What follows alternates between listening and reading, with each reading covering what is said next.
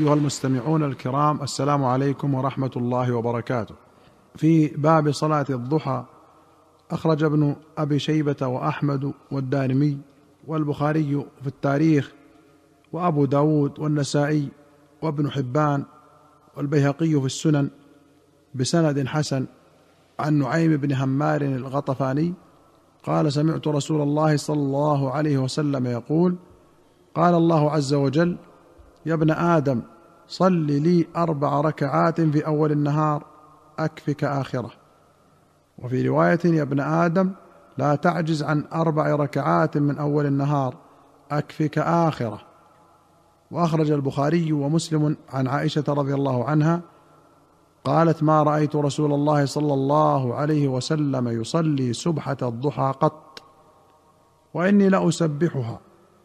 وإن كان رسول الله صلى الله عليه وسلم ليدع العمل وهو يحب أن يعمل به خشية أن يعمل به الناس فيفرض عليهم. ولمسلم عن عبد الله بن شقيق قال قلت لعائشة هل كان رسول الله صلى الله عليه وسلم يصلي الضحى؟ قالت لا إلا أن يجيء من مغيبه. قال النووي الأحاديث في صلاة الضحى كلها متفقة لا اختلاف بينها عند أهل التحقيق وحاصلها أنها سنة مؤكدة وأن أقلها ركعتان وأكملها ثمان. وأما الجمع بين حديثي عائشة في نفي صلاته صلى الله عليه وسلم الضحى وإثباتها فهو أنه صلى الله عليه وسلم كان يصليها أحيانا لفضلها ويتركها أحيانا خشية أن تفرض كما ذكرت عائشة. وقد ثبت استحباب المحافظة عليها في حقنا بحديث أبي الدرداء وأبي ذر وكيف كان؟ فجمهور العلماء على استحباب الضحى وإنما نقل التوقف فيها عن ابن مسعود وابن عمر. انتهى ملخصا. وأخرج البخاري عن مورق العجلي قال قلت لابن عمر تصلي الضحى؟ قال لا. قلت فعمر؟ قال لا. قلت فأبو بكر؟ قال لا. قلت فالنبي صلى الله عليه وسلم؟ قال لا إخاله. أخرجه البخاري في باب صلاة الضحى في السفر وقوله لا إخاله أي لا أظنه. واخرج البخاري عن نافع مولى بن عمر أن ابن عمر كان لا يصلي من الضحى إلا في يومين يوم يقدم مكة فإنه كان يقدمها ضحى فيطوف بالبيت فيصلي ركعتين خلف المقام. ويوم يأتي مسجد قباء فإنه كان يأتيه كل سبت. وإذا دخل المسجد كره أن يخرج منه حتى يصلي فيه. قال وكان يحدث أن رسول الله صلى الله عليه وسلم كان يزوره راكبا وماشيا. قال وكان يقول لنا إنما أصنع كما رأيت أصحابي يصنعون. ولا أمنع احدا يصلي في أي ساعة من ليل أو نهار غير أن لا تتحروا طلوع الشمس ولا غروبها. وأخرج البخاري ومسلم عن عبد الرحمن بن أبي ليلى قال ما حدثنا أحد أنه رأى النبي صلى الله عليه وسلم يصلي الضحى غير أم هانئ فإنها قالت إن النبي صلى الله عليه وسلم دخل بيتها يوم فتح مكة فاغتسل وصلى ثماني ركعات فلم أرى صلاة قط أخف منها غير أنه يتم الركوع والسجود. ولمسلم قال سألت وحرصت ولمسلم قال سألت وحرصت على أن أجد أحدا من الناس يخبرني أن رسول الله صلى الله عليه وسلم سبح سبحة الضحى فلم أجد أحدا يحدثني ذلك غير أم هانئ بنت أبي طالب. أخبرتني أن رسول الله صلى الله عليه وسلم أتى بعدما ارتفع النهار يوم الفتح فأتي بثوب فستر عليه فاغتسل ثم قام فركع ثماني ركعات.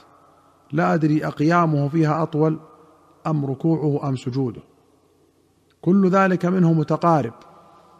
قالت فلم أره سبحها قبل ولا بعد. وفي أخرى له أن رسول الله صلى الله عليه وسلم صلى في بيتها عام الفتح ثماني ركعات في ثوب واحد قد خالف بين طرفيه.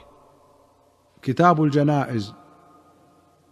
أخرج مسلم عن أنس رضي الله عنه قال قبض رسول الله صلى الله عليه وسلم وهو ابن ثلاث وستين وأبو بكر وهو ابن ثلاث وستين وعمر وهو ابن ثلاث وستين وأخرج مسلم عن جرير بن عبد الله رضي الله عنه قال كنا قعودا عند معاوية فذكروا سني رسول الله صلى الله عليه وسلم.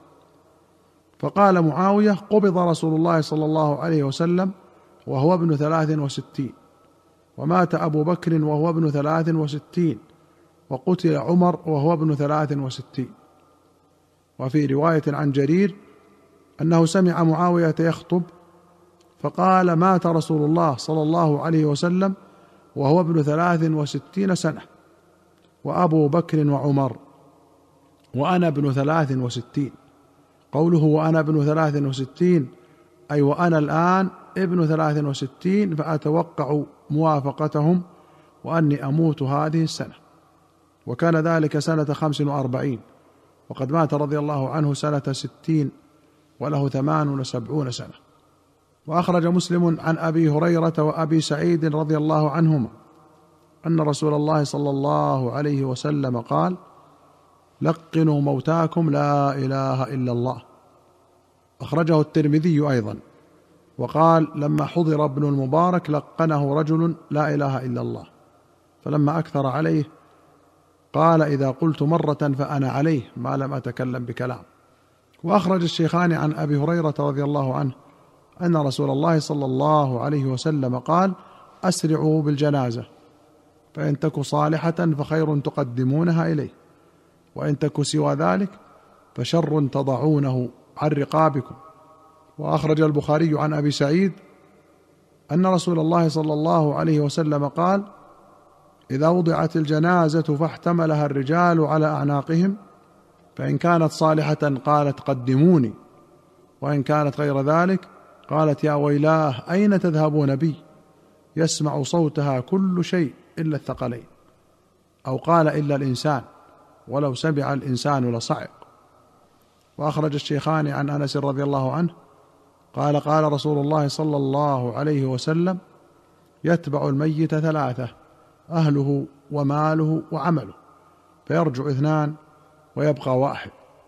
يرجع أهله وماله ويبقى عمله. وأخرج البخاري عن عائشة رضي الله عنها قالت قال رسول الله صلى الله عليه وسلم لا تسبوا الأموات فإنهم قد أفضوا إلى ما قدموا. وأخرج مسلم عن أبي هريرة رضي الله عنه قال قال رسول الله صلى الله عليه وسلم ألم تروا إلى الإنسان إذا مات شخص بصره؟ قالوا بلى. قال فذلك حين يتبع بصره نفسه. شخص بصره أي ارتفع ولم يرتد. والمراد بالنفس هنا الروح. قال القاضي وفيه حجة لمن يقول الروح والنفس بمعنى واحد. وأخرج مسلم عن أم سلمة. قالت دخل رسول الله صلى الله عليه وسلم على أبي سلمة وقد شق بصره. فأغمضه. ثم قال إن الروح إذا قبض تبعه البصر. فضج ناس من أهله فقال لا تدعوا على أنفسكم إلا بخير فإن الملائكة يؤمنون على ما تقولون. ثم قال اللهم اغفر لأبي سلمة وارفع درجته في المهديين واخلفه في عقبه في الغابرين واغفر لنا وله يا رب العالمين وافسح له في قبره ونور له فيه ودعوة أخرى سابعة نسيتها. وفي رواية قالت قال رسول الله صلى الله عليه وسلم إذا حضرتم المريض أو الميت فقولوا خيرا فإن الملائكة يؤمنون على ما تقولون. قالت فلما مات أبو سلمة أتيت النبي صلى الله عليه وسلم فقلت يا رسول الله إن أبا سلمة قد مات. قال قولي اللهم اغفر لي وله وأعقبني منه عقبى حسنة. قالت فقلت فأعقبني الله من هو خير لي منه محمد صلى الله عليه وسلم. أيها المستمعون الكرام إلى هنا نأتي إلى نهاية هذه الحلقة. حتى نلقاكم في حلقة قادمة إن شاء الله. نستودعكم الله. والسلام عليكم ورحمة الله وبركاته.